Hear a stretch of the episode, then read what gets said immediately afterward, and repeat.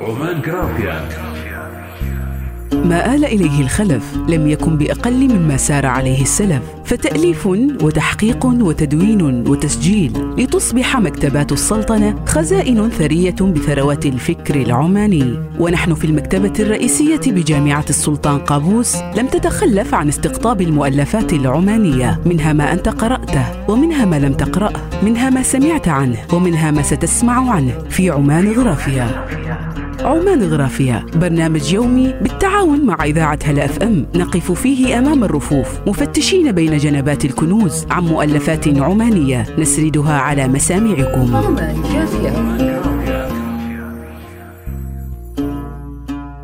عمان عبر التاريخ. لسالم بن حمود بن شامس السيابي.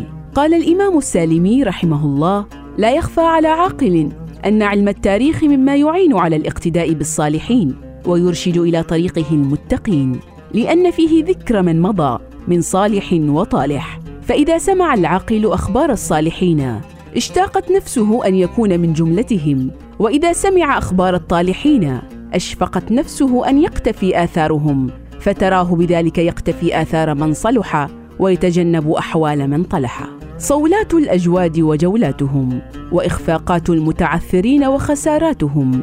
كلها تكفل المؤرخون بأن يحملوها للأجيال جيلا تلو جيل بالتدوين والتأريخ. وإن عمان بتاريخها الحافل حظيت بالكثير من الاهتمام وخصوصا من الكتاب العمانيين كالشيخ العلامة سالم بن حمود السيابي في كتابه عمان عبر التاريخ.